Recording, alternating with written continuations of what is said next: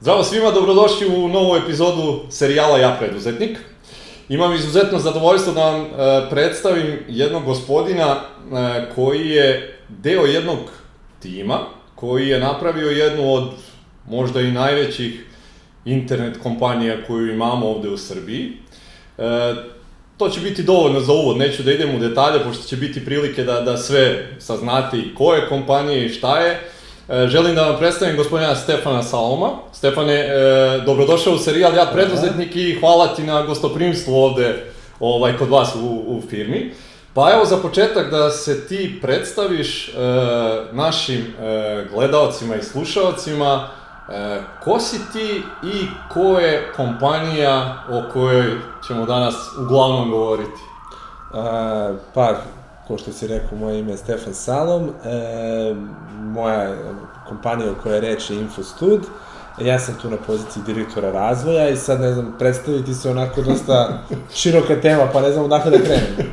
Evo, za početak ja ću da te vratim, e, govorit ćemo znači o Infostudu koji je sada u jednom trenutku mnogo više od toga, verovatno nego što i većina ljudi zna koliko ste se vi ovaj, e, proširili na neke druge delatnosti, ali doćemo do toga. Ja bih da te vratim sad eto u, u, u dečačke dane, da čujemo malo o tom nekom e, delu, pa da polako krenemo ovamo ka, eto. Važi. Pa, ja sam ono, klinac iz bloka Novog Beogradskog, ovaj, e, to baš blok 70A, moj kraj, to ono, ljudi iz tog bloka baš ne vole da se mrdaju odande, to sam primetio po gomali prijatelja. E, u svo, I od malih nogu sam, da kažem, bio ono, brat je bio dobar, pa ja za matematiku, fiziku i te stvari, išao sam na takmičenja, onda išao u matematičku gimnaziju, to mi je dosta onako formiralo i najbolje prijatelje s kojima se danas družim su iz gimnazijskih dana. Išao sam u Petnicu, to je onako drugo mesto koje me dosta uticalo da razumem neke stvari i to je nevjerovatno rekao bih da jedna od korisnijih stvari koje sam ja danas u biznisu koristim je osnove naučnog metoda, mm -hmm. testiranje nekih naučnih ideja koje sam najviše razradio u Petnici kao srednjoškolac. To je onako interesantna stvar, dosta paralela tu ima. I ovaj, nakon toga sam mislio da ću se baviti, jel ti, krenuo sam kao matematička gimnazija, da. petnica, bavio sam se fizikom, upisao sam fiziku i negde pred kraj studija, to je paralelno sa upisom, Bane Gajić, e, e, osnivač idejni, da kažemo, tvorac, je pozvao mog brata da, da zajedno sa još par ljudi naprave sajt sa informacijama za studente, Infostud. Meni se to odmah svidelo, moj brat i pristoje su se poznavali od ranije i ja sam tu od početka bio prekucavao neke stvari, jako sam brzo kucao, pa mi to bilo bilo mm -hmm. zanimljivo da radim, planovi, programe, nije bilo na, fak, nije bilo na internetu ničega, uzmemo onaj vodič za neki fakultet i ja prekucavam predmete i tako smo počeli. E, moj brat je isto studirao fiziku, ko što rekoh, i on je ostao naučnik, a ja sam paralelno sa studijama krenuo da se malo po malo bavim infostudom. I bilo mi je mhm. onako to što zanimljivo, taj poslovni preduzetički deo, a s druge strane neka drugi tip zanimanja kao sam fakultet, kao nauka. Kako se bližio kraj studija, onda sam ja najlepše delove fizike, neku kvantnu mehaniku, to sam prošao, ali vidio da je ta to me jako privlačilo, ali ovo, i naravno starijeg brata koji mi izvuče sve najzanimljivije delove iz fizike i priča mi o tome, a ja onako gledam širom otvornih očiju, ali sam shvatio da je savremena fizika, ako čovjek hoće se bavi s tim, hladna i mnogo udaljena i od meni bila udaljena od kranjeg i rezultata, puno čovjek mora da ide dubinu da bi imao neke posledice na svet oko sebe. Mm -hmm. ovaj, e, I krenuo sam, infostud je rasto, bio je mali, ali to je bilo, znači, 2005. godina. E, e, došao sam se bio dvumio, pisao sam postdiplomske studije. U Srbiji shvatio sam da fizika ne zanima, pisao sam doktorske studije iz biofizike, jer mi je bilo primjenjivija, bliža je to -hmm. kako radi čovek, ćelija, proteini i takve stvari, mm -hmm. zajedno sa puno fizike koje treba da objasnim koja je to, šta to sve leže, koja je reakcija, na primjer, leže ispod proteina i ostalih stvari. Međutim, kako se bližilo, znači se sećam, to je bio baš period gde sam se ja intenzivno dvoumio, da li da ostanem u nauci ili da se bacim u biznis.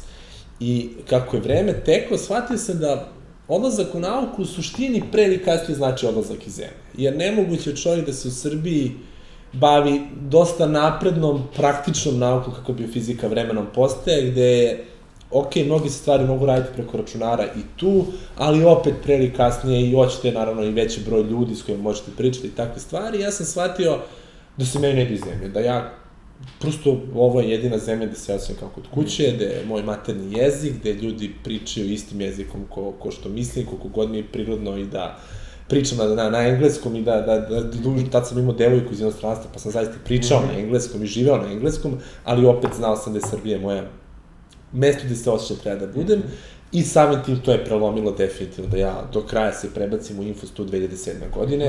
E, to je koincidiralo sa prelaskom i Baneta koji je bio ideni tvorac koji je sve vreme tu priču gurao sa strane dok je radio u banci, a njegova sestra Brana Gajić je de facto jedina bila u potpunosti u infostudu i te prve najteže godine ona izgurala. Uz našu, naravno, pomoć, ali smo bili sve jasne, vreme tu. Evo, 2007. se sve troje nalazimo i mnogo značajno ubrzavamo. Uh, hoću da se vratim još malo na, na, na te baš početke, znači do toga kako je ovaj, došlo do same ideje, otkud ona, i uopšte kako izgledaju ti sami početci ovaj, u tom trenutku. Šta, šta radite, kako radite, Uh, e, ja imam ozbiljan problem uh, očeno pamćenje i to je stvarno ozbiljan problem. Par glavnih stvari se sećam. Bar je bio inspirisan nekim člankom koji je naleteo da je sajt u Engleskoj 99. od 2000. prodat, e, to je da je napravio značajan uspeh, a bavio se informacijama za studente. I odatle je ta ideja. Počeo je to video, skupio je prijatelje ko zna, teo da skupi nekog iz Subotice, iz Beograda, Niša, da se pokrije Novog Sada, da se pokrije univerzitetski centri. Ovaj, I tada je on prvo kontaktirao mog brata, pa sam, da kažem, ja ušao posle u tu priču. Hteli smo da se zovemo Studio Info, pa se ispostavili da su, dok smo mi nabavili karticu, tada to nije bilo tako lako, već kupili domen, Bogu hvala, mi je lepši Info Stud. I onda smo kupili, jel te Info Stud i krenuli. Kako je to krenulo?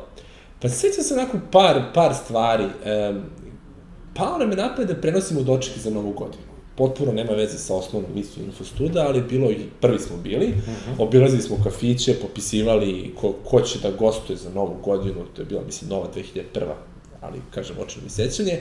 Lepili smo, to jest išli smo po gradu, smrzavali se sa onim pištoljem za e, za heftalicu. Aha. I lepili onako po onim debelim slojima papira, kuda za, novu, kuda za doček, znak pitanja. I tad smo dobili neki prvi ozbiljnije posete i to nam je dalo, aha, pa dobro, dolaze ljudi da čitaju, jeste nema veze do kraja sa studentima, ali nema veze. Mm -hmm. Ajmo da gradimo posetu.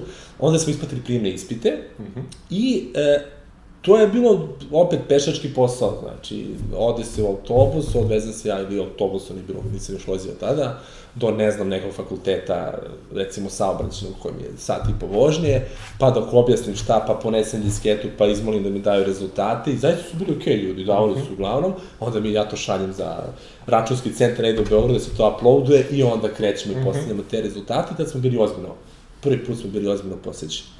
I onda smo dobili ideju, jedna stvar vodila u drugu, znači današnjem ja ne savjetujem takav kretanje biznisa, jer niti postoje jasna ciljna grupa, niti jasno šta hoćeš da uradiš, niti šta testiraš, ali smo imali sreće, rekao bih, ne, ne, ne, osim truda i želje za radom, bilo je to sreće. Uh mhm. -huh. Jer smo uboli važnu stvar, to je, ok, šta studente zanima, naravno da upišemo fakultet, u paraleli smo razvijali, to nisam rekao, svi smo dosta putovali nas troje. E, Bana i Brana neka ta studijska putovanja, a ja preko takmičenja došla. Išao sam na olimpijade, uh mhm. -huh. posle preko fakulteta na, na mnoge stvari i hteli smo da podelimo i učinimo ta putovanja pristupačnim drugima. I rezon koji je bio i tad važio, mislim da isto veoma važi sad je e, e, da ti možeš da izmeriš svoju zemlju, jer puno je negativne energije kod nas. Mm -hmm. Ti možeš da, da realnu sliku u Srbiji sagledaš tek kad odeš u inostranstvo. I onda možeš da porodiš. I vidjet ćeš da su mnoge stvari bolje, naravno. A vidjet ćeš da su neke gore. Jasno. I onda ja imam, ja sam tad još pokupio izreku, ironičnu, toga ima samo u Srbiji, kad neku notornu glupost u inostranstvu vidim, i onda se smejem, pošto toga čuje se to samo kod nas ima. Mm -hmm. Skoro mi je bilo, malo digresija, odem na digitalnu konferenciju o, a, a, preko firme koja imamo manjinski, većinski osiguranik, bave se osiguranjem, odemo neku premium konferenciju u Švajcarsku. A, karta za učešće preko 1000 evra, plus od sponzora mislim su uzeli milion. Odemo tamo u salu, ni jednom nisam mogao da zakačiti internet. Ni jednom. I kao, to ma samo u Srbiji ima. Kod nas mi to ne možemo da zamislimo. Da, možemo da zamislimo konferenciju, one postoje pet rutera, pet rutera, pa ti probaj pet, to i probali, ne znam šta su napravili, ni jednom nisam uspio da se zakačiti na internet. -hmm. Znači, to je ta varijanta gde smo mi u mnogim stvarima mnogo bolji nego što smo sami sebi mm -hmm. pomislili. E, e o, o, tu, znači, krenuli smo da digresije da želimo da ljudi odu napolje, da vide šta valja tamo i da se vrate u Srbiju. To je bio veliki deo sadržaja, to je znači za ljude koji studiraju, za ljude koji upisuju fakultet su planovi programi, rezultati na prijemnih, vremenom istorija toga da znaju koliko bodova im treba. I logični sledeći korak je bio, ok, šta čoveku treba posle toga, pa završi fakultet, treba posao. Mm -hmm. I tu smo isto krenuli prvo da prekucavamo, sve je bilo u papiru, jel te, politika, najviše, novosti i ostali časopisi, Blitz, i onda smo mi prekucavali odatle oglase za posao, I vremenom, naravno, kao što je logično, jedna tehnologija je zamenila drugu, ljudima je bilo mnogo lakše da to rade preko interneta, a, a, a nego preko novina mm. i mhm. tako je to polako krenulo i onda smo počeli polako da komercijalizujemo i tad negde 2002. i 2003. bi rekao da postajemo zaista firma koja je mhm. počela da ima svoje prihode. U tom trenutku je samo vas troje tu ili imate možda još Ne, imamo, imamo još dve osobe, jedno je, znači uglavnom je Bane plaćao, on radio u banci pa mogo da plati svoje plate, jednog Goran Todorov, on je, on je e, bio naš prvi webmaster, slash programer, slash šta god treba, sada vodi Subotica.com, on je, znači, ima svoj biznis baš orijentisan na Suboticu mm -hmm. i dosta mu fino to ide. Ovaj, a prva zaposlena, ja se izvinjavam, mislim da sam ne, da je stišan telefon bio, okay. ali je u stvari važan poziv. A prva zaposlena nastavila? A prva zaposlena je Sonja, koja je danas direktorka poslova. Aha. Ove, ona isto prva zaposlena bila da prekuca novnice za posao. I interesantno u tom periodu, kako su sve, de, kako zaposlimo nekog, devojke su morali da skraćuju nokte, jer mi je dobar deo posla bio kucanje i mnogo mi lakše bilo da kucaju sa kraćim noktima. e, u tom trenutku, je li imate neke ono, kao kancelarije ili nešto, ili to sve ide ono...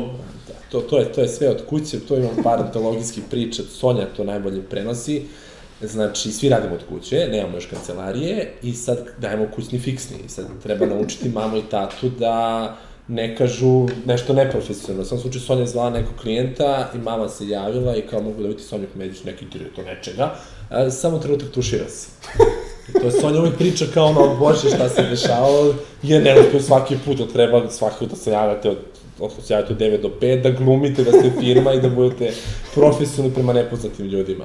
Ali negde, ja mislim, tu četvrte, pete smo iznajmili, bilo je pri ekonomskom fakultetu, neki ekonomski institut u Subotici, pa smo mogli jednu kancelariju da uzmemo i to nam bila prva, a onda smo u roku od godinu, dve došli do ceo spratu zakupili i onda se polako proširivali. Mm -hmm. Jeste vi uopšte u tom početku imali, ok, uh, uh, Bajan znači pročitao taj članak i video da je taj sajt prodat i sve, jeste vi u, u tom početku uopšte imali e, ideju kako ćete vi to sve da, da ono monetizujete uopšte ili... Ne, ne, i to je, znači to ponavljam, nikako ne treba tako raditi.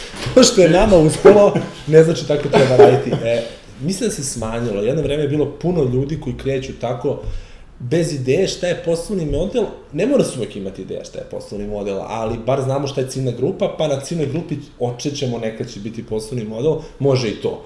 Ali nije bilo ničega, ljudi eto, vole to da rade, otprilike, pa eto, tu će neki biznis, neko volšeba će da daje velike pare za oglašavanje, uglavnom neće, i, i takve stvari. Znači, mi nismo i uradili smo sve suprotno pravilima, ali smo imali sreće i uspeli smo i trajalo mnogo duže. Realno je to moglo i brže da smo znali šta radimo. Objektivno, imali smo neku ideju, znači mi smo pratili šta je potrebno posetiocima, ali mm -hmm. nismo ni prvo boli ciljna grupa, mi smo prvo mislili da je ciljna grupa studenti. Mm -hmm. Kasnije se ispostavilo da je mnogo bolja ciljna grupa ljudi koji traže posao, mm -hmm. da je to mhm. mnogo vrednija ciljna grupa na da. tržištu. Da. Mi dan danas održavamo kroz najstudent kao neku vrstu, ja kažemo, i, i društvene odgovornosti, sve te sadržaje da ljudi mogu da se informišu, to sve radimo i dalje, samo je to neprofitabilan deo. Naravno, da, da, da, jasno. Naravno, infostuda ne može pokriti svoje troškove, mm -hmm. što je okej, okay, nisu to velike da. troškovi, ali eto, znači, omašili smo to sa prvom idejom, ali mislim da smo dosta brzo pivotovali i ubadali mm -hmm. prave stvari. Reci mi, u tom sad početku vas je troje, E, jeste imali ono neku raspodelu posla koju ste svesno radili ili je to bilo ono da ste svi devojke za sve? Bilo se i više u početku, znači bio je Beograd, Niš, Novi mm -hmm. Sad, svako imao po jednog predstavnika, ali neko ili nije hteo da da dovoljno sebe, e, pa, smo, pa smo se vrlo brzo razišli i isplatili mu udeo. Bio je jedan kolega iz Niša koji je mnogo duže bio s nama, ali on jedan trenutku shvatio ne želi tim da se bavi, da smo se dogovorili oko fair ceni i otkupili njegov udeo. Znači, bilo nas je više u početku, pa se to smanjilo i stabilizovalo mm -hmm. na nas troje. E, I I jesmo i nismo, znači svako od nas je imao neku oblast koja mu više leži ali to se menjalo u vremenu u skladu sa potrebama firme i u skladu sa, sa pojedinstvom. Naprimer, ja sam završio matematičku gimnaziju i sve vremena išao na olimpijadu iz programiranja. Mm -hmm. e, to je to je više algoritamsko programiranje, znači nije kao ovo što se koristi komercijalno, ali naravno ima velike meze da. i ja, jako nisam bio programer, nisam ušao ni dubinu ni jednog jezika, ja sam uvijek bio taj koji malo složenije stvari kad treba da se urade, komunicira sa programerskim timom, definiše, radi mm -hmm. sa mhm. njima. S druge strane, mene je privlačila prode u početku veoma. Mm -hmm. Ne baš previše povezano, ali eto. Da. I onda sam ja postavio sistem prodaje Infostuda u, u suštini. Brane je mnogo bolji osjećaj, e, e ona je završila novinarstvo, ona ima izuzetan osjećaj za naš javni nastup, za PR, za, za, za marketing, ali za osnovnu strukturu. Znači, ona je bila prvi, e, prvi direktor koji je postavila stvari, profesionalizovao unuke da da odjednom mi koji smo par ortaka čujemo sa telefonom iz kuće i nešto radimo, polako treba postanemo firma, da nije samo bitno kako se osjećamo, nego je bitno da se posao uradi. To je bile velike promene za ljudi u tom trenutku, uh mhm. -huh. Iz jednog režima preći u drugi. Ovaj, I naravno to je Bane koji ima, koji je tad imao e, e naj, najozbiljnije iskustvo pre toga koji nekoliko godina proveo u, u ProCredit banci, tada je bio Microfinance banka, gde je puno toga naučio u menadžmentu, svim tim mhm. strukturama, svim tim stvarima i bio mnogo ispred nas i mi smo dosta učili od njega.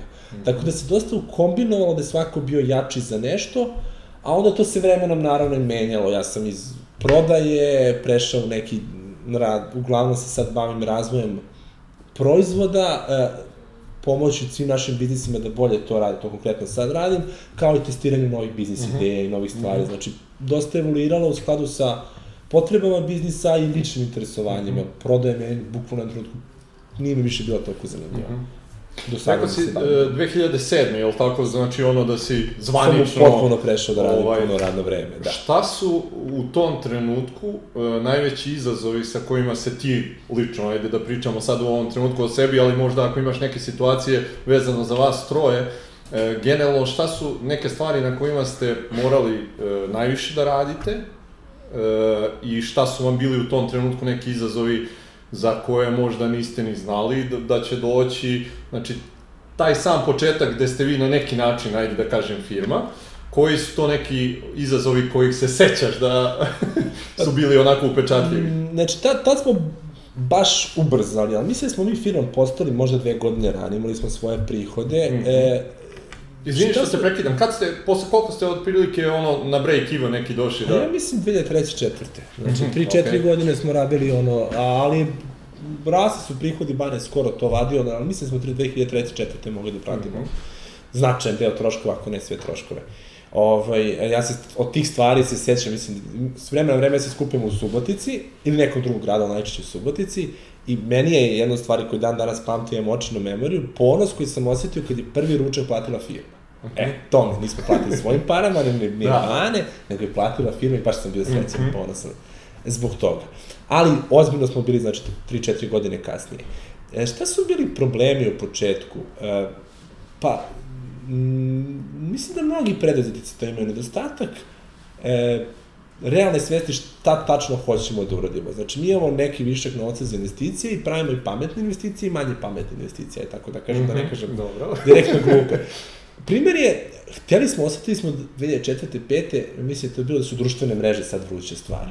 I napravili smo našu društvenu mrežu. I, i na veliku sreću radio eksterni programerski tim, nismo mogli da napravimo interno, bilo je dosta grešaka u kodu, bilo je jako...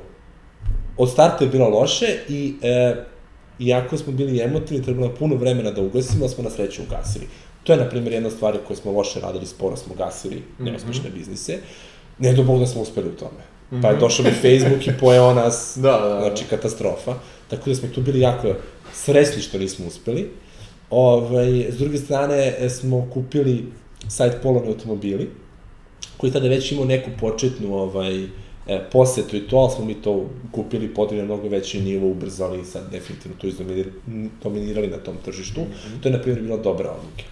Ali mnoge stvari, e, e, e, da kaže, tako neke strateške biznis odluke, zašto i šta radimo, kako idemo ideju, i ključno smislimo ideju i isprogramiramo sve u sitna sredstva. To mi je naj, naj, mm -hmm. najsmešnije, jer je, eto, tako, tako smo čuli da treba, pa tako mi radili, nismo znali za lin razvoj, za sve te stvari koje su mm -hmm. posle došle.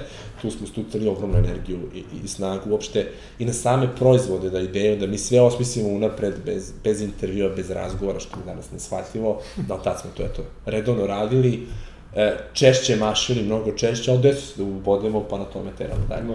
Reci mi, vezano sad za, za taj, ajde da ga nazovemo menadžerski deo posla, znači počinju ljudi da, da dolaze, e, kako ste se sa tim novim funkcijama, da to tako kažem, snalazili, na koji način ste se edukovali, jeste imali u tom periodu recimo nekoga da, da se to bar malo konsultujete oko nekih dešavanja oko posla ili odluka koje ćete da donosite? E, pa trudili smo se da idemo, bilo je dosta otvorenih kurseva, to tad krenulo. Ja Mhm. mislim da, da danas i smanjilo, sad više kao firma mnogo manje koristimo otvorene kurseve, koristimo ih in-house, konsultanti Mhm. i takve stvari.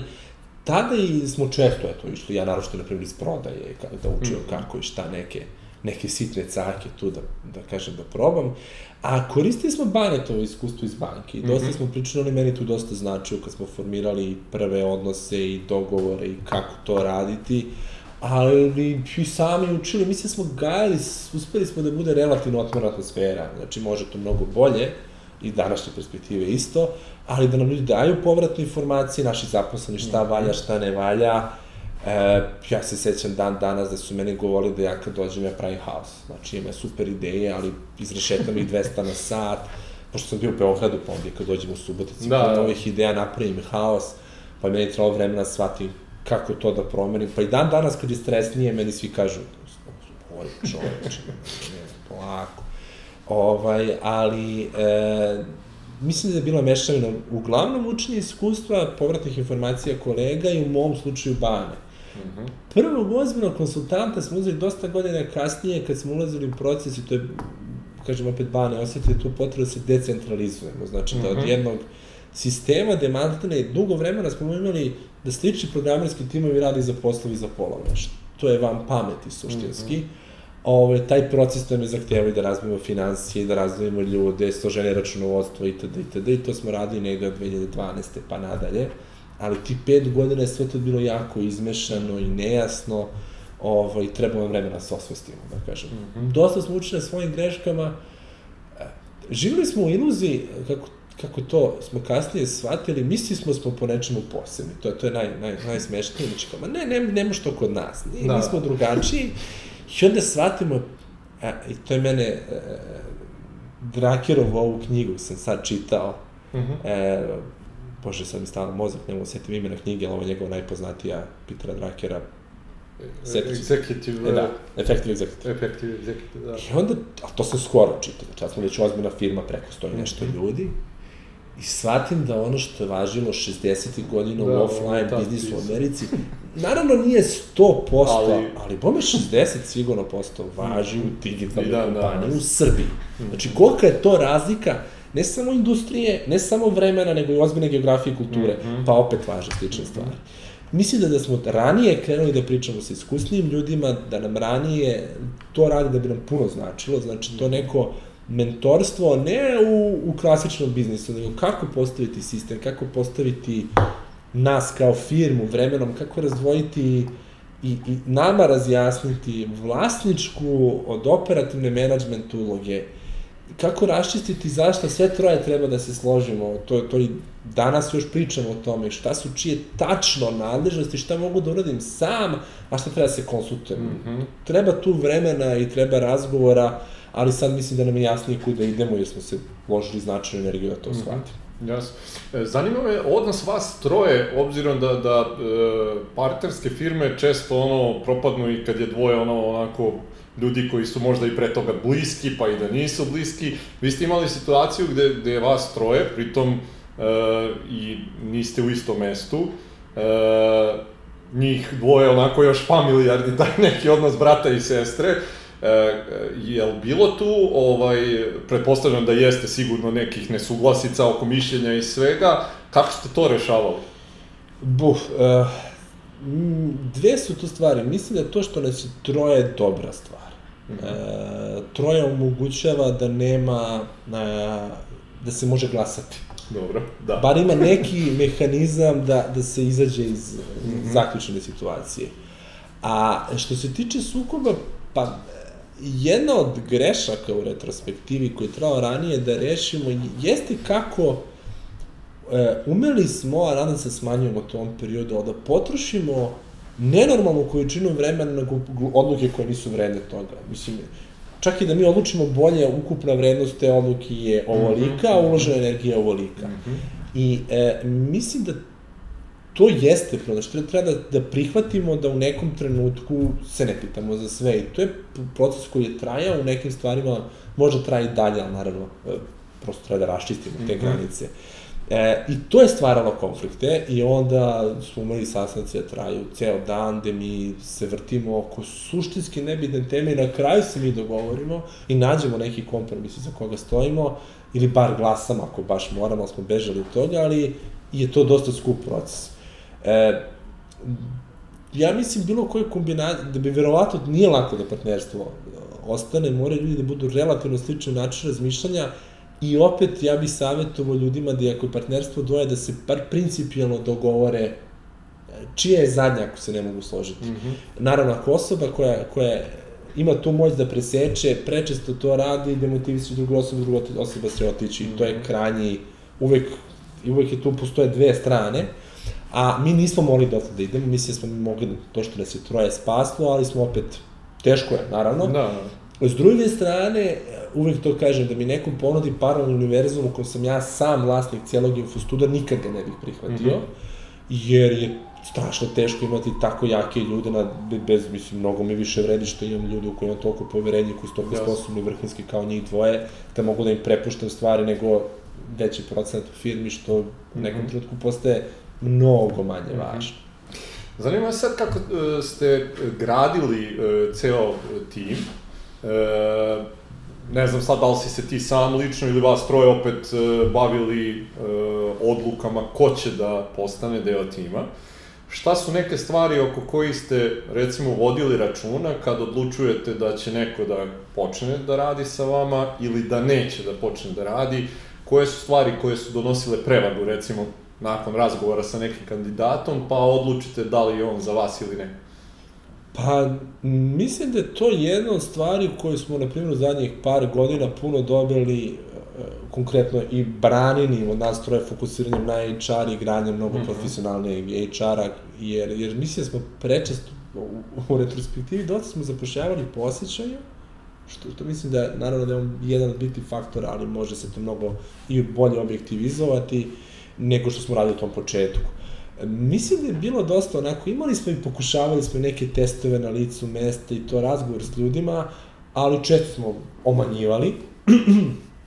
I e, trebalo nam vremena da shvatimo da nije primarno da nam osoba prijatna u razgovoru, e, nego da je sasvim okej okay da je neko drugačiji ako poštuje osnovne vrednosti, da će nam vrlo prijati u timu i trebalo nam puno godina da to shvatimo. Mm -hmm. Tako da nisam baš, da kažem, nešto super ponosan, tek kako je, bukvalno, kako je to postalo dovoljno važno i neko ga uzo izgradio, mislim da to sad ljudi rade neuporedivo bolje nego što smo mi u startu radili. U prvom tom krugu, e, e, prvi svi ljudi su nam bili lični poznanici. Mm -hmm. A čak i on, znači Sonja je e, e, sestra Banetovog kolege bila i ona se ispostavila kao van serijska osoba, znači danas vodi ceo sistem, najveći naš biznis od 100, 80-100 ljudi posle u celom sistemu ima. E, naš sadašnji HR koji je zajedno sa Branom postoje sisteme, njihova sestra od, od mislim da je tetke ili, pa, izvini, izvini, o, prostići mi ako sam pogrešio tačne rodbinske veze.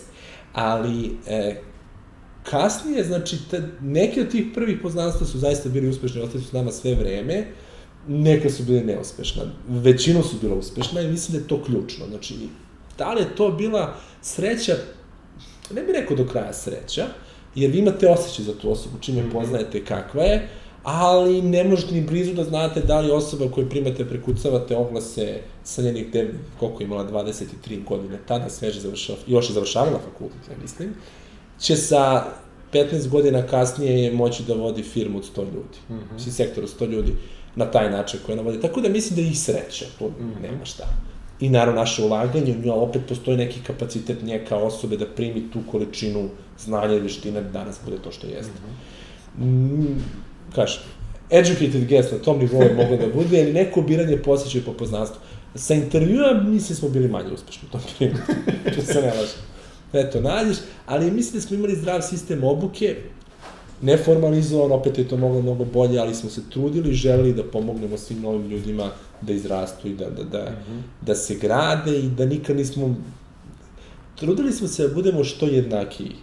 I mi kao vlasnici svih zaposleni, znači vrlo malo beneficija, trudili smo se da odluke donosimo da sistem bude isti za sve, što, ili bar, ako ne može isti, što sličnije za sve. Mm -hmm. I to nam je isto, mislim, dosta pomoglo. Jeste do, do te kompanijske kulture došli nekom svesnom odlukom ili je to bilo više onako kao neki kroz proces što vas je dovelo do toga? Pa, mislim dve stvari. Jedno je, e, Bane je došli, znači, dosta smo mi, ja bih rekao, u početku kopirali tu kulturu koju on video u banci, koja je zdrava kultura mm -hmm. bila tada, koja je bila dosta e, e, transparentna, egalitarijanska, u tom smislu.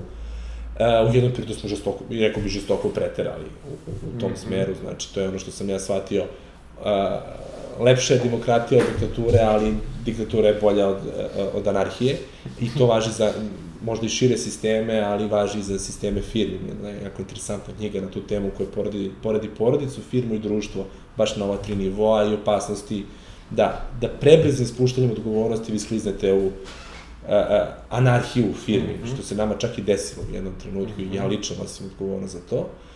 A e, baš došlo je do toga što je lično ja imam neki sistem, ja verujem u te vrednosti, ja verujem da ljudi treba da budu, da imaju isto, da su svi ljudi isto vredni u tom smislu, ne u smislu materijalno, nego u biti, da ne može nešto da zakon ne važi za mene, a da treba da važi za, znači zakon treba da važi za sve, osnovna pravila treba da važi za sve, i da je to način da mi kao sistem i društvo napredujemo. Uh, ali to se lako izvitoperi da svačiji glas isto vredi, a u firmi to nikako ne sme da se desi i to sam ja kroz eksperiment naučio i ispravili su moje greške onako bome godinu, dve iz toga. Neke stvari sam super pokrenuo, ali baš u prodaji, gde sam dao previše sloboda ljudima u jednom trenutku, sam mhm. napravio problem. Mm -hmm. Tako da je to bilo interesantno, mislim. Mm -hmm. Baš vezano sad za taj deo delegiranja nekih ovaj, E, vaših obaveza kako su dolazile, znači uspostavljanje nekog sistema, obzirom da je meni to isto iz, iz moje prakse jedan od velikih problema sa kojima se većina srpskih ono, ajde, porodičnih firmi uopšte u jednom trenutku suočava, Jeste imali vi problem da, da recimo e, neke stvari u jednom trenutku delegirate drugima, da se ne bavite mikromanagementom i, i ako jeste, kako ste se izborili sa, sa, sa svim tim nekim izazovima koje ceo taj proces nosi? Ja, šuf, uh, baš onako složeno je pitanje. Znači, s jedne strane, ja, ja sam to e, i mislim da je jako teško biti objektivan. Sad, sad ću da dam baš primer. S jedne strane, pre par godina sam zapišem blog. Stao sam na tome. Još uvek je on aktivan na, na, na ime, ime prezime.com e, gde, pri, gde je jedan od članaka koji sam napisao, ostaje potrebu da podelim 2011. mislim, to je bilo da je cilj direktora da postane nepotreban. Mm -hmm. Da treba da gradi sistem, namjerno sam teo da bude malo škakljiv naziv, nikad vi do kraja nećete biti nepotrebni, ali da šta god radite danas, što više toga spustite dole da biste mogli da uzmete nove stvari. Mm -hmm. I ja sam tako i postavljao prodaju i postavljao neke druge sisteme. S druge strane, kao hladan tuš sam dobio pre skoro, kad sam pokretao i neki novi biznis, e, najgore ocenjena bila od tog malog tima koji sam ja vodio je bilo, smatrali su sam ja veoma mikromenadžer. I e, koliko god ja bio svestan, sigurno sam tada radio više mikromanagementa nego što treba i više se mešao u operativne odluke njihove nego što treba, ali ima i druga strana koju su kasnije shvatili, a to je da nisu imali širinu. I, i treba biti vrlo oprezan u tom spuštanju odgovornosti. Mm -hmm. Znači, e, rekao bih da u granji sistema, aj kažemo, dve su različite stvari. Jedno bi možda da bude granja sistema, a drugo je spuštanje operativnih odgovornosti na pojedinca, sutra menadžera. E, moj lični stav je da u granji sistema prosto vremeno treba postaviti e, e, pravila, da ta pravila ne treba budu neke kruta pravila, nego više kroz ideju predstaviti to dan danas se držim, na primjer, e, jedna od filozofija Infostuda je, jer ja lično verujem u to, da svi klijenti treba da budu principijalno ravnopravni. Znači, ne, niko na pregovorima, da sad niko je verovato preošta reč, ali skoro da je nemoguće na pregovorima za isti paket dve različite firme dobiju različite popuste. To je jako čvrsto. Znači, ako kupuješ toliko oglasa, u tom trenutku važi taj popust, ništa nije na akciji, toliko ćeš da platiš. Mm -hmm. Možemo pregovarati o dinamici isplate, ali o iznosu ne. Mm -hmm. Što je dosta kontra obično mnogim postavkama i mene to jako nerviralo, jer ja ne volim cenkanje. Mm. To je neki moj princip. E, ispostavilo se, igrom slučaja, to je jedna odluka koja nam je posle uštedila puno energije i vremena, e, da ako uspete to da nametnete, vi dobijate prodavce koji ne moraju da uče da se cenkaju, nego uče da predstavljaju proizvode i rešavaju probleme klijenta, umesto da se cenkaju. I umesto da ima taj brend da je s nama, nema cenkanja, znači, to toliko košta.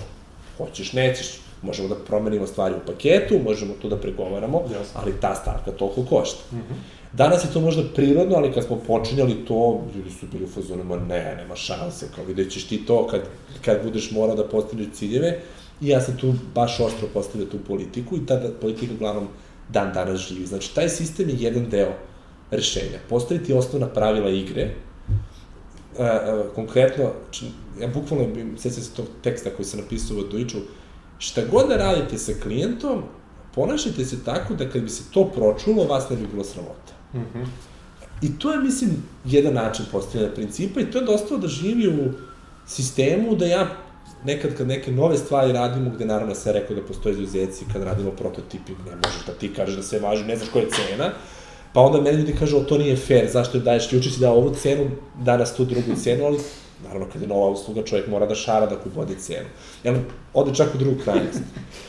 E, a spuštanje kod čoveka, pa to jako zavite, morate imati poverenje u osobu, morate da, a, a, da znate granice i mislim da to nešto što se isto uči dok je čovjek živ, ne treba ni do kraja pustiti, a, a kad se meša, e, mislim da to greška koju sam ja često pravio. Ja puštam, puštam da vidim nešto da ne valja i onda ulećem kao specijalci. Znači, ruši sve živo, naravno, čekam ja sa godinama iskustvom, to stvarno treba bude crveno, to nije više sitnica je, loše, loše izgleda ova ikona na sajtu i kako je bilo prvim danima, to je ugroženi biznis model, -hmm.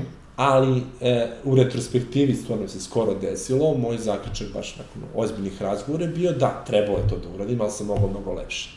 Znači, e, ako već morate da uletite u biznis, pokušajte trudite da poštujete osobu koju gradite, njen autoritet, njeno samopoštovanje, njeno mišljenje o sebi. Nisam ja uletao pred njenim ljudima a, a, a, nego prejako sam insistirao da ona a, se nešto desi i mislim da, da je to sve moglo bolje.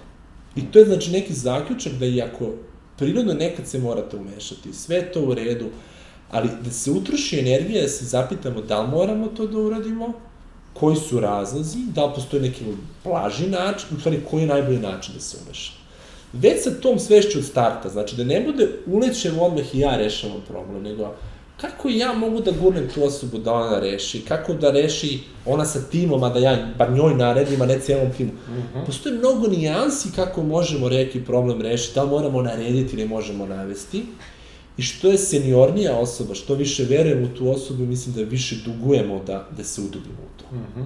To bi da kažem neki, neki zaključak, bio opet bez, bez uh, uh, uh, uh, toga da i tekako ja grešim i grešit ću u buduće. I opet doživeo sam što je na mene puno uticalo i drugu krajnost. Predelegiranje. Mm -hmm. Anarhiju. Mm -hmm. Tako da se i to može desiti. To je -hmm. onako dosta mač sa dve, znači tanka je linija po kojoj -hmm. treba da se ide. Mm -hmm. okay.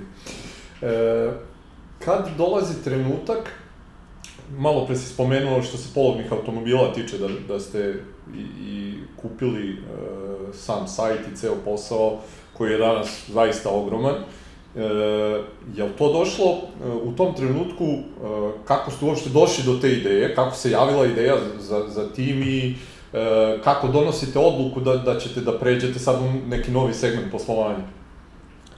E, to je opet, voleo bi da smo uradili drugačije, a drugačije bilo da smo seli i zapitali se šta stvarno hoćemo. Mi smo možda pre godinu, dve dana shvatili da smo deset godina ranije doneli veoma krupnu odluku koja se svede na to.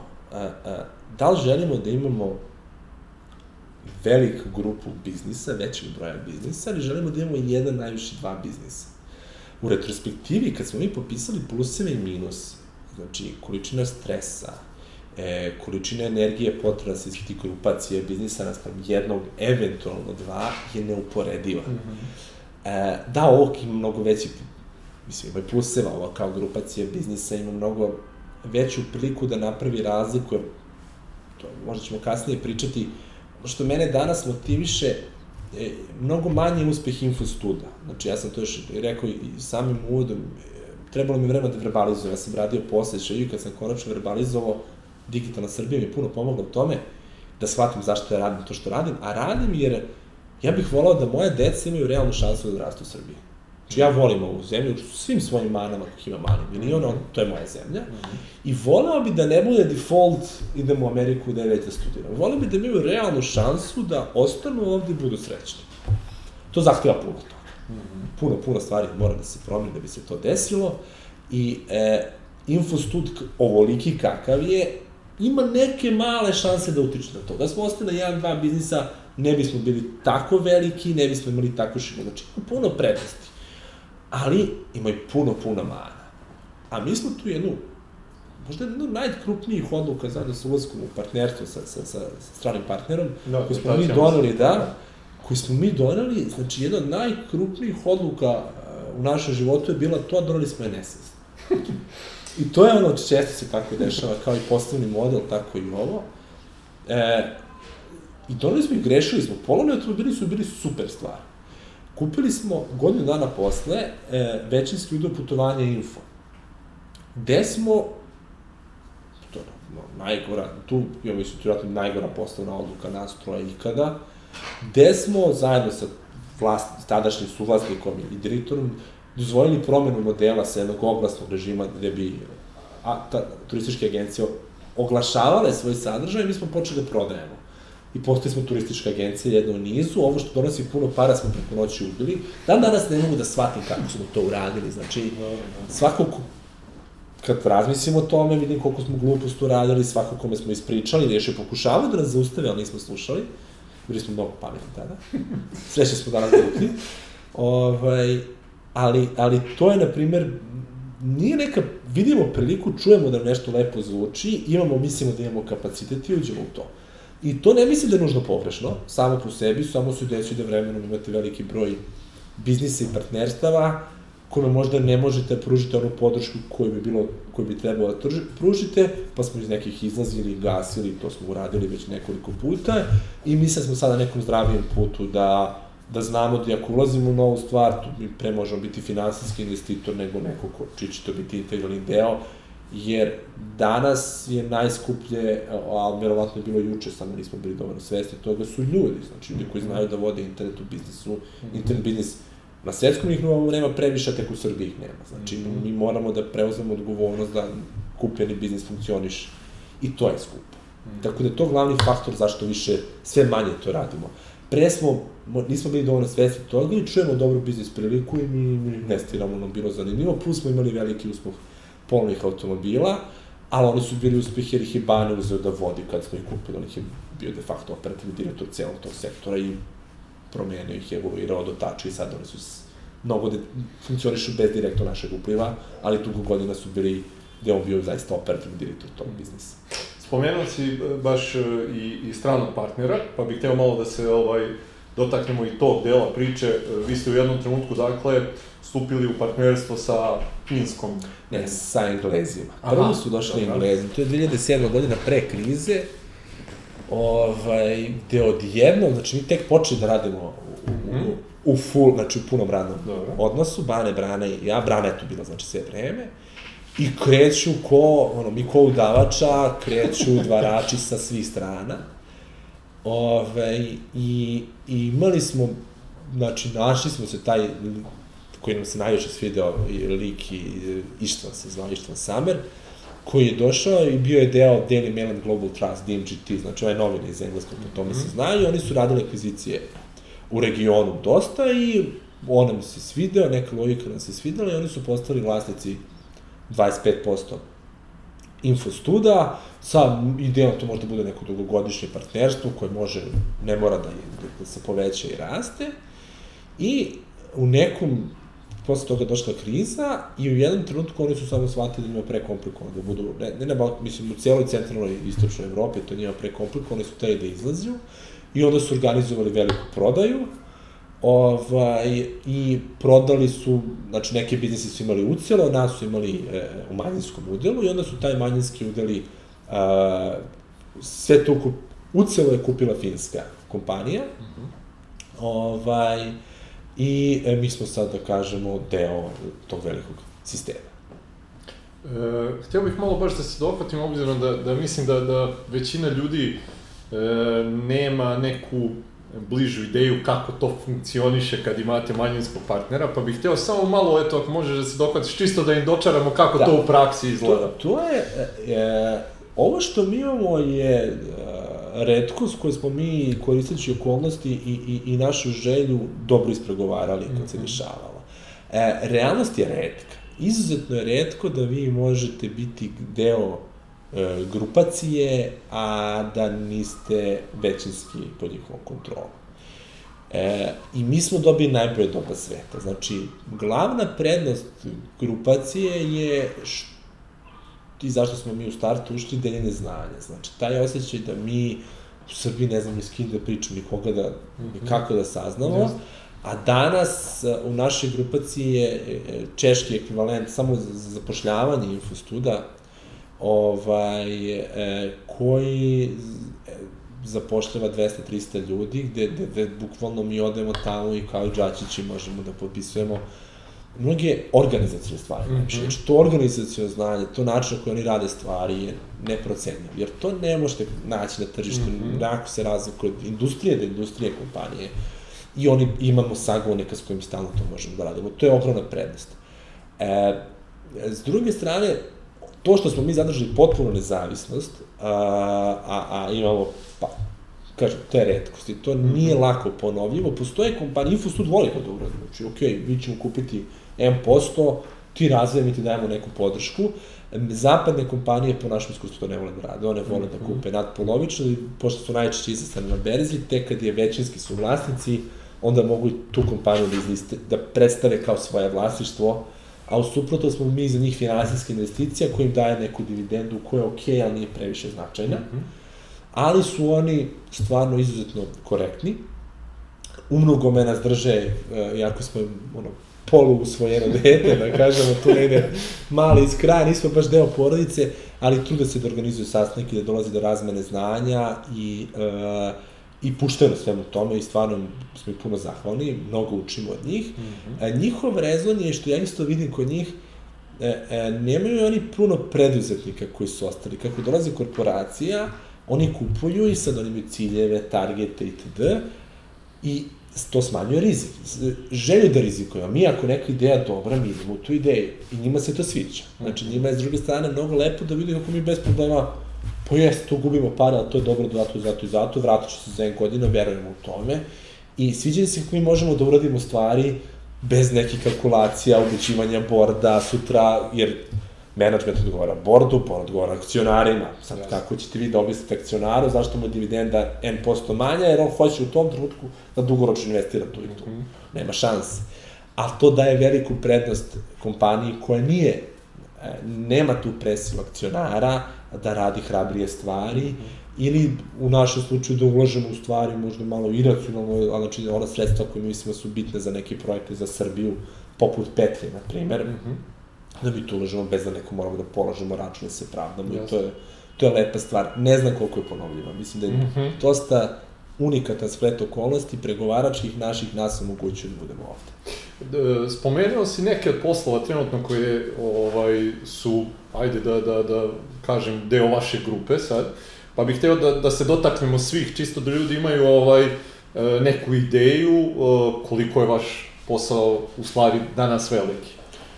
Pa, a, znači, ovako, naša najveća grupacija, grupacija poslovi Infostud.com, u okviru nje sa određenom značajnom autonomijom funkcioniše sajt Hello World RS, koji je najveljen za IT, je verovatno najposeđeniji sajt danas u Srbiji koji se bavi tematikom IT-a i zapošljavanja u IT-u, to je i, i, i sajt Poslonaut, u smo sad prostorijama, koji se bavi e, zapošljavanjem nemamo odgovarajući termin još uvek, na engleskom je to blue collar, u Srbiji možda niže kvalifikovani, ali nismo baš najsrećni sa tim izrazom. E, zapošljavanje, znači to su ljudi poput kurira, konobara, e, nešto što je relativno prodavaca, relativno lako obu, radna snaga koja se lako može obučiti radi taj posao, znači ne zahteva e, visoke fakultete i slično. E, znači, ali ogromna je tu, na primjer, jako kratko ljudi ostaju tim radnim mestima, pa je velike fluktuacije mm -hmm. i puno je oglasa tu, znači to je, na primjer, taj biznis. Imamo u oblasti e, automobila u globalu, imamo sajt polnoautomobili.com, imamo zajednicu moja garaža gde ljudi razmenjuju iskustva o, o automobilima i uopšte o svoje strasti. Mm -hmm. Tu nam je naš e-commerce sajt, internet prodaje guma, koja baš lepo, stabilno raste i bavi se upravo time prodajom guma, delimično se nasa na polno automobile, ali uglavnom samostalno to grade. Uh, ušli smo znači od vertikala automobila, poslova, poznata vertikala je i, i nekretnina i tu smo ušli pre neke dve godine četiri zida. RS koji koji je sad tu nam je interesantno, tu nismo lideri, tu se ne branimo, tu napadamo, mm -hmm. pa nam je jako interesantno, tu je konkurencija jača i poznatija, mm -hmm. pa su nam obrnute uloge, pa nam je zanimljivo i puno učimo. Ovaj, e, ušli smo e, u biznis osiguranja, nam to delo se lepo uklopa u celu tu kombinaciju osiguranik RS, koji ima za cilj prevazkom zbog automobila i nekretnine, znači to je nešto što se inostranstvo često nastavlja, su finansijske usluge kao potpora kupovini tih e, automobila nekretnine, znači kako krediti, tako i osiguranje. E, mi smo ušli osiguranje, gde nas je kontaktirao a, a, sadašnji kolega Miloš Mamula pre par godina, kad smo bili ubeđeni da nećemo ništa, ali on je jasnu viziju imao da želje da deo grupacije, insistirao je na sastanku, dobio je sastanak i kupio nas, je onako jako prodoran mlad čovek, uspešan vrlo, koji gradi taj biznis zajedno sa nama, ali opet osta nezavisno.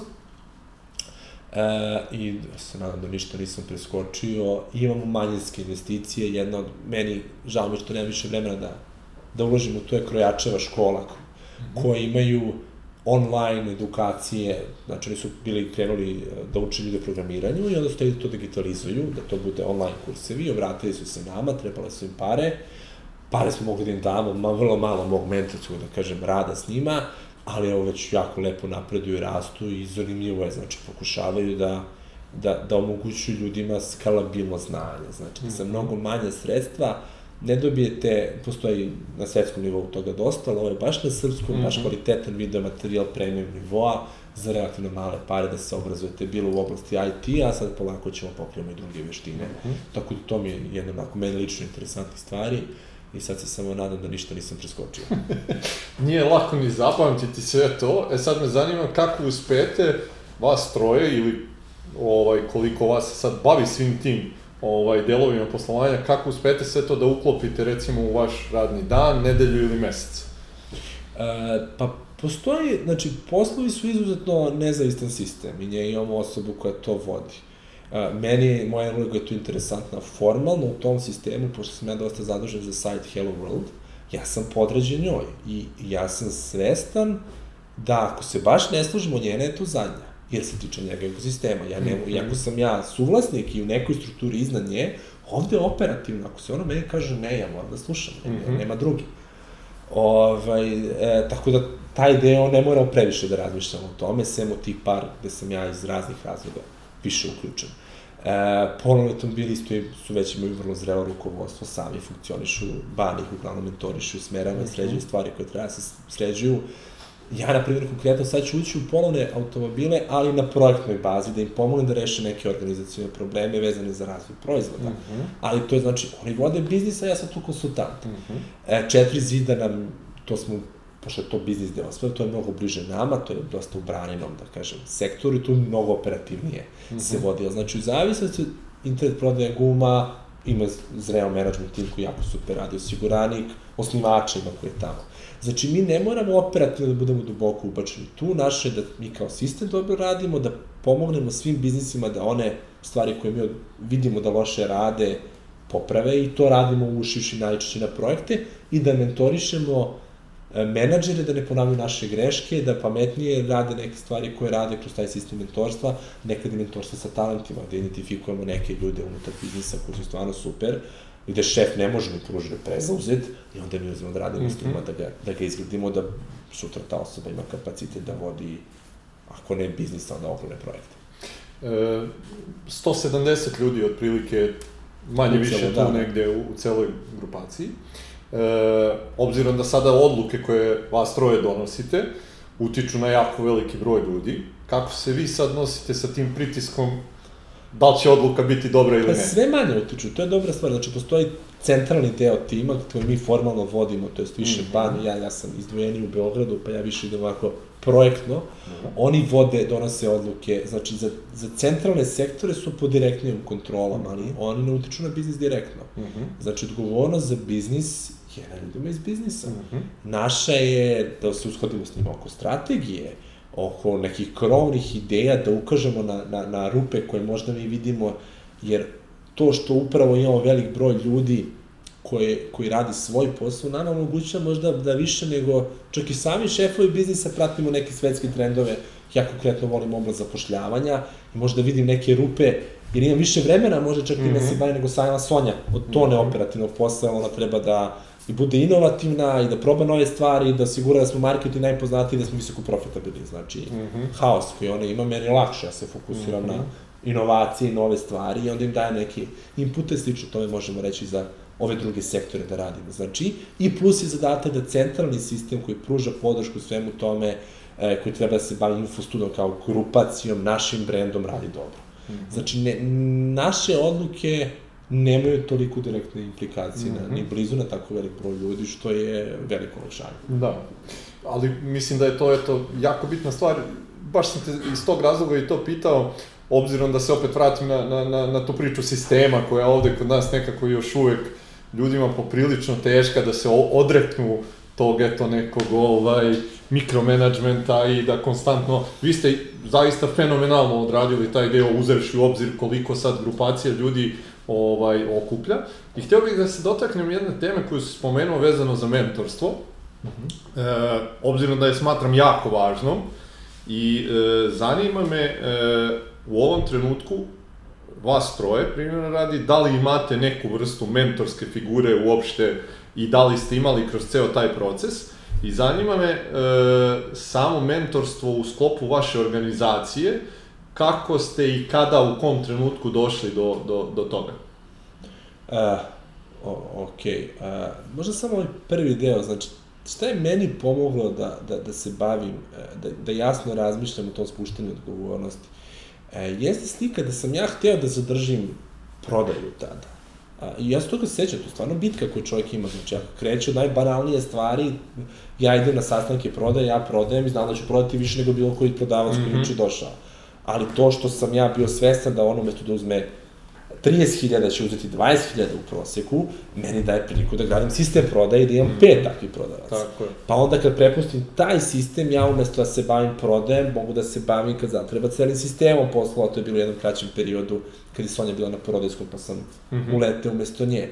Pa onda sledeća stvar ide dalje, ja umesto sad da se bavim celim sistemom poslova, pošto imamo Sonju, ja imam više vremena da se bavim digitalnom Srbijom, inicijativom Digitalna Srbija, ili petljom koja vodi programiranje osnovne škole, što nikako ne bi moglo da radim da mi je ugrožen osnovni biznis.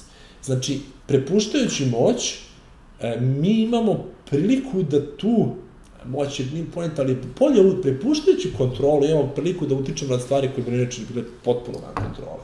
I svako bira šta mu je važnije. Da mu je veći cilj da, da, da se širi u nove biznise ili da hiperoptimizuje jedan mali proces, mm -hmm. a pritom najčešće ovo drugo vodi u gušanje talentovnih ljudi, jer ljudi jako vole da imaju autonomiju i da imaju kontrolu na onome što radi sad, to je tema motivacije koja je meni jako omiljena tema. Ovaj, I mislim da treba, ljudi u menadžmentu treba da razumeju šta pokreće prvo svako treba razume šta njega pokreće, koje su to mhm. glavne stvari, da tu novac, na primjer, to je ono moje, novac nije motivator, nedostatak, nedostatak novca je veliki demotivator, mm -hmm. a novac nije motivator i svako kad u tome se zaista udubi, kad se zapitamo da li je velika razlika u kvalitetu života, da li imamo 300 ili 1000 evra mesečno je ogromna, između 1000 i 2 je velika, između 2 i 3 je već, a između 3 i 5 verovatno počinje teži nuli. Da. Između mislim, verovatno ko neko kome je baš neophoda, ne znam, privatni šofer aviona, tako nešto će dostati među 100.000 i miliona. Ali za mene normalnog, ja ne osjećam nikakvu razliku, daleko sam od tih, naravno, novca, ali nemam nikakvu želju da ikad stignem tamo, jer mi ne treba. Mm -hmm. I ako uspemo da iskontrolišemo svoje želje i ole, shvatimo da je to sekundarna stvar. Opet ja, u digresiji. Znači, to što se motivacije tiče, što se sistema ovog e, mentorstva tiče, E, zakasnili smo tu i opet je tu Bane, on, imali smo neformalne, znači, sagovornike i mislim da je meni lično je Bane bio mentor koji ima mentorstvo kroz banku, ali eksterne konsultante i mentore smo počeli da koristimo intenzivnije tek u zadnje 3-4 godine. Uh mhm. -huh. I to radimo sad već, nije lako neko nama da bude opšti mentor, jer su dosta, smo već zreli i veliki uh mhm. -huh. i u nekim stvarima ne može neko meni za sve stvari više da pokriva, ali u domenu decentralizacije on je stvarno naša super mentora koji nam je pomogao u tome. Znači, u nekim konkretnim domenima mm -hmm, možemo jasno. naći da nam pomognu kroz te priču. E, slično je, mislim, da radimo unutar firme. Znači, primetimo, to ja često radim konkretno, mm -hmm. baš zato što nisam u Subotici, ja ne mogu da u operativno vodim prevelik broj ljudi, ali mi to daje slobodu da, da imam prazniji raspored da imam nedeljne razgovore sa većim brojem ljudi koji nisu samo operativni, nego su i širi. I, e, I to je praksa, mislim, ja lično to baš volim i drago mi to i mislim da to je jedan od mojih jačih strana. Znači, mislim da kvalitetnije radim i rad jedan na jedan sa osobom i pomaže me da raste, nego što bih vodio tim od mm -hmm. 20-30 ljudi, neuporedivo velika razlika mm -hmm. u mom kvalitetu tu, toga što radim i, i trudimo se da to osnažimo i sad opet treba naći vremena, sad gledamo kako baš konkretno Sonju, da uključimo da ona deo svog znanja prenese ne samo unutar poslova, nego da pomogne uspostaviti neke strukture u bočnom biznisu, ponovno mm -hmm. automobili koji je veliki i jak, ali i organizacijono kaska za poslove. Mm -hmm. Tako da sad tu, ali opet treba naći osloboditi vreme top management osobe koja su i majka dvoje dece, znači ja sam yes. stvarno ono, u tom smislu šta se stiže da uradi divim iskreno, treba naći tu organizacijono da se sve to postigne i odradi na jednom takvom nivou. Ovaj, tako da imamo nekom nivou, ali definitivno bi trebalo da mm -hmm. voleli smo da je više, jer je to najbrži put mm -hmm. rasta osobe. Mm -hmm. e, hoću da jedan deo ovaj razgovora sada posvetimo e, ljudima koji nas gledaju, koji su e, ili pokrenuli posao ili razmišljaju o njemu. Pa, e, hoću odmah da krenem sa jednom stvari koje smo se dotakli ovaj, i, i, i pre nego što smo počeli zvanično da, da razgovaramo. Obzirom da sam ja, kad sam radio pripremu ovaj razgovora, jedna rečenica koju sam ti rekao da mi je onako, meni lično jako bliska, si spomenuo u intervju da smatraš da je ideja samo od 2 do 10%. Pa bih hteo da krenemo od toga, Aha. pošto većina ljudi koja kreće u neki posao, prvo smatra da je ideja najvažnija stvar od, od svega što tu postoji. Ovaj, reci mi zašto si ti rekao da smatraš da je ideja od 2 do 10% samo? Ja, ja to ilustrujem možda a, ovaj, sa jednom idejom koju sam ja sigurno da ima veliki potencijal da bude profitabilan biznis u Srbiji, sad ću je ponoviti ponovo. Mm -hmm. Besplatno. Znači, ja bi, to postoje na zapadu i mnogim zemljama, e, pretplatni model za vina. Znači, vi uzmete mm -hmm. dogovorite se sa, ima vinarija puno u Srbiji, čak sam uradio mini istraživanje, ob, njihova cena po kojoj bi vama prodali je obična cena u prodavnici pa podeljena sa 2 do 3. Mm -hmm. Znači, velika marža se tu uzme na, na mnogo stvari između. Ovaj, I išlo bi ljudi se pretplate, vi im sad pošaljete neka vina, oni ocene ta vina, vi na osnovu sličnog ponašanja ljudi, pretpostavite ako mu se svidjela ova dva vina, svidjet će mu se ovo ko ne naručio, i krećete da gradite bazu ukusa i da dajete ljudima nova vina za relativno manje par nego da kupuju da, da, sami, da, da jednom mesečno dođu na kućnu adresu. Ja nisam 100% siguran da ovo može da uspe, ali recimo da dajem jedne 60-70% šanse da bi bio profitabilan motor.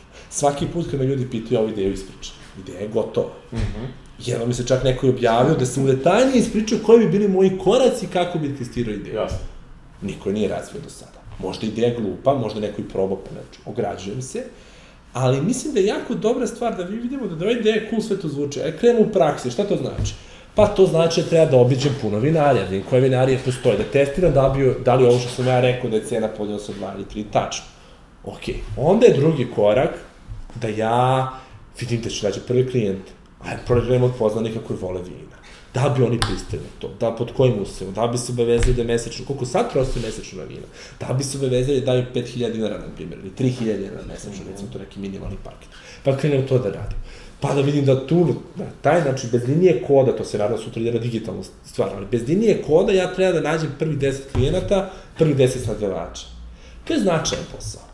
I ulaž, način ulaganje vremena. Vrlo je linearno. Ovo je, što sam ja sad ispričao, zaista vodič po meni za gradnju malog biznisa, mm -hmm. koji za većinu drugih biznisa ima relativno visok procenat uspeha, ja bih rekao preko pola ako ste jako dobri u operativi. End to je stvar.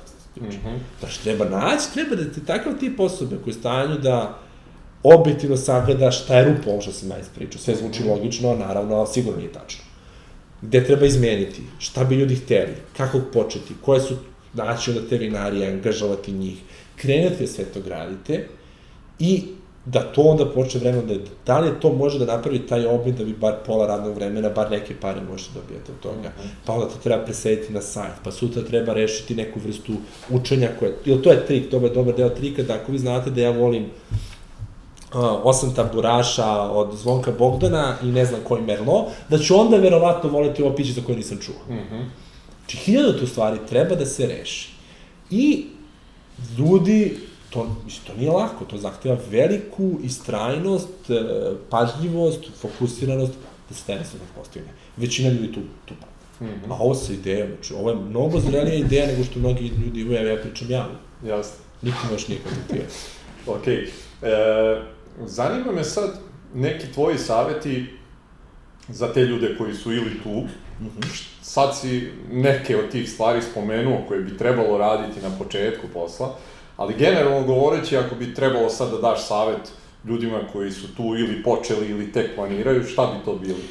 Pa, to je bukvalno ovo što mi se ja bavim unutar infostuda. Mm -hmm. Znači, zapitajte se od čega zavisi uspeh vašeg biznisa. Ajde baš na ovom primjeru, nisam ga nikad detaljno ali, ali šta su pretpostavke? Prva pretpostavka je da će vinarije hteti da daju značajan poput i da uđu ovaj model. Druga pretpostavka je da ljudima koji da postoji dovoljan broj ljudi koji vole vina, da to može da se finansira i vezano za tu da bi nemali nje, deo njih prihvati ovako nešto. I pre nego što se išta radi, treba, to je cilj svih prvih aktivnosti treba bude što je moguće jeftinije odgovoriti na ova pitanja. Koji god da je biznis u pitanju. Sad, za pekare ne znam, ali za i inovativnije biznise to je ključno. Od čega zavisi vaš biznis i ajmo da probamo da to saznamo većini dobar deo odgovora, to je za mnogi, je prvi deo intervju. Či znači, ovdje te intervjuišete vlasnike vinarija da bi to radili. I intervjuišete, tu se možda, tu treba ljudi samo da obrate pažnju, da intervju vode sa ciljem da napadaju svoju ideju. Jer nije, ako vi kažete, jel da je super moja ideja, ljudi obično kažu, ok, važa super ideja, čega mi vremena treba. Ali ja obično kažem, ok, pomozite mi šta ne valja u ovome, mm -hmm. meni treba šta su loše stvari, puno mi znači što više negativnog feedbacka, uvedete ljudi i kažete, molim vas, pljujte me. E, mnogi onda se oslobode i krenu da šta ne valja. Pa će možda da bude, brate, pošto postoji zakonska rupa, zašto je ovo nemoguće? Ne znam. Možda postoje neke druge stvari da im ne pada na pamet ili pada na pamet, šta god, ali kad intervjušite 10 ljudi, vi to znate. Mm -hmm. Hello World RS je danas je najposjećeniji vratno sajt, kažem, iz oblasti IT-a, ima maltene samo oblasti za posle. Zašto? Pa mi smo na početku intervjuisali 50 mediori senior IT-evaca o gomili tema. I to nam je dalo i intuiciju šta treba tom tržištu. Mm -hmm. Znači, to dosta siroko IT misli da vinarija dovoljno 10, a moguće već posle 5, da će od prve do pete naučiti ovoliko, a od pete do desete još ovoliko, a posle desete se sve svode na, mm -hmm. na njih. Imate sliku tržišta. Naravno, treba imate osjećaj za biznis, osjećaj za brojeve, osjećaj za red veličine, koliko vi to možete prodati da bi bilo isplativo, da li, da li koliko flaša treba, znači ima sad dileme sledeće, ako postoji ta tražnja, onda intervjušemo vinopije, mnogo je lakše ako imate puno vinopija u društvu, nego ako nemate, ali opet probajte da ih nađete. I tako ide korak po korak, znači jedno po jedno pitanje postavite i gledate da li možete odgovoriti šta je najjeftinije, ako možete odgovoriti intervjuom, idite na intervju. Ako morate neki, ako je digitalni biznis, neki sajt da napravite, gledajte da napravite sajt koji će biti fokusiran na testiranje toga što vas voli. Znači, I opet na mom primjeru, ako je dobar deo rasta, ja zaista očekujem od pametnog uparivanja vina, jer ja stvarno ne znam kad odem i vidim gomilu domaćih vinarija koje vino da kupim. Mm -hmm. Kad je postao algoritam koji na osnovu obavezno mojih ocena istorijata meni preporučuje vino, mm -hmm. super. Ali vi sigurno u početku nemate to. Mm -hmm. I nećete krenete programiranja algoritma za nešto što Jasne. ne znate, što je komplikovano, što je osnovne mašinske učenja, ma jok, uzmite kohortaka najviše verujete ili tri prijatelja, prijateljice koji znaju za vina, pa pričajte s njima i pokušajte da povežete ili neka osnovna pravila uhvatite. Mm -hmm. Ok. E, pitanje sa kojim završavamo razgovor, obzirom da nam je vreme pri kraju, da imaš priliku da budeš mentor Stefanu iz tih početaka samih e, Infostuda, šta je to što bi mu rekao sada iz ove perspektive sa svim tim što sada znaš? Ovo posljednje. Ovo, ovo, to je najskuplje znanje koje mi je trebalo. No. Ta, ta ideja da mi ulazimo u zujanje, a ne znamo šta hoćemo tu društvenu mrežu. Ta ideja da mi menjamo poslovni model koji radi. Danas kad pričamo o to, ja se smijem. Znači, mi imamo poslovni model na putovanje info koji radi, uništavamo ga i gradimo poslovni model koji ne znamo da radi, umesto da ovaj zadržimo u paraleli, gradimo. Ne mogu sebi da objasnim, znači, bukvalno svaki put kad se setim toga, ja, ja sebe šokiram kako smo bili, to ne jedno, sve troje smo, neko je brane, mislim, imao najveći rezervi, a mi smo to pustili Bane i ja da se dešava. Znači, to bi bilo. Ovo, testiraj i razmišljaj kako možeš da testiraš ideju po njoj radi. I to će ti da rastično ubrzati. Mislim da je to znanje koje nama i generalno, nama kao društvu, digitalnoj zajednici fale to pravljanje biznis modela i testiranje. Mm -hmm. Mi imamo izuzetno snažnu IT zajednicu, IT u smislu srpski IT, ja, ja mislim da, da je priznat u svetu i sve će biti priznati, to govori količina outsourcing kompanija, količina izvoza koje mi pravimo u IT-u, ali taj izvoz je najmanje kvalitetan. To je kao da vam neko pošalje sastavke, samo nekvalifikovan radna snaga, neko vam pošalje sastavke za cipele, pa vi ih spojite i prodajete mm -hmm. cipelu. A prodaje, profit je u prodaji cipela, ne u sklapanju džona i, i kože. E, to je naš IT samo na mnogo više nivou, znači, -hmm. ne, ne, mislim, nije samo razlika, je ogromna i finansijska i svakakva. Ali ti IT-ci bi mogli zapošljavati, donositi mnogo više pare, zapošljavati mnogo više ne IT-evac. Mm -hmm. To je, mislim, cilj našeg društva treba da bude u idućem periodu kako da povećamo dodatnu vrednost koju naše IT kompanije generišu. Jer vi ako imate samo kodiranje, vi ste IT code outsourcing, ali ako radite razvoj proizvoda ili marketing, vi već, osim što uzimate veći profit, više para, vlasnicima ostaje, tako da kažemo, pružite priliku i neprogramerima da imaju lep život u Srbiji, što je jako važna stvar, mm. marketing ekspertima, uh, customer care ekspertima, znači ljudima koji se brinu o klijentima, pa rade nadalje. Što veće količina stvari leže u Srbiji. E, ograničavajući faktor umrogom je taj biznis osjećaj. I e, e, to postavljanje pravih pitanja iz biznis ideje postaviti hipoteze od kojih zavisi uspeh tog biznisa i onda osmisliti najbrži način da se te hipoteze testiraju. Uh mhm. -huh. To nama puno fali i e, ja se nadam da i, i voleo bih e, da, da, da, da uspemo u tome da pomognemo i pričali smo čak i o inicijativi Digitalna Srbija, kako da te kompanije koje su zakucane u samo IT delu priče, da im pomognemo koji da im budu prvi koraci da izađu i da počnu da se bave razvojem proizvoda za neku drugu početku, a možda za godinu, dve, tri, pet da probaju sa svojim, zajedno sa partnerima na putu. Stefane, e, želim e, prvo da ti se zahvali e, na odvojenom vremenu ovde i e, znanjima i iskustvima koje si podelio sa vama. Jedna jako bitna stvar isto koju želim i ovako javno da ti kažem, e, hvala vam na tome i tebi i tvojim kolegama što se trudite da Srbiju učinite boljom na, na sve načine. Ovaj, to mislim da je zaista jako važno i da bi svako od nas trebao bar malo da se ovaj potrudi. I za kraj da, da vam poželim ovaj, puno uspeha u budućnosti. Mislim da, da, da, da e, će neko putovanje koje vama sledi biti još uzbudljivije nego ovo koje ste imali do sada. Hvala, hvala stvarno na lepim željama, hvala na prijatnom razgovoru i, i opet hvala na tome što, što radiš da, da se pomogne ljudima koji mogu puno da pomognu Srbiji, a to su baš budući preduzetnici koji će nadam se graditi mnogi neke i pametne i korisne stvari ja bih voleo u Srbiji. Naravno. Hvala i vama što ste bili uh, ponovo sa vama i vidimo se sledeće nedelje. Prijatno.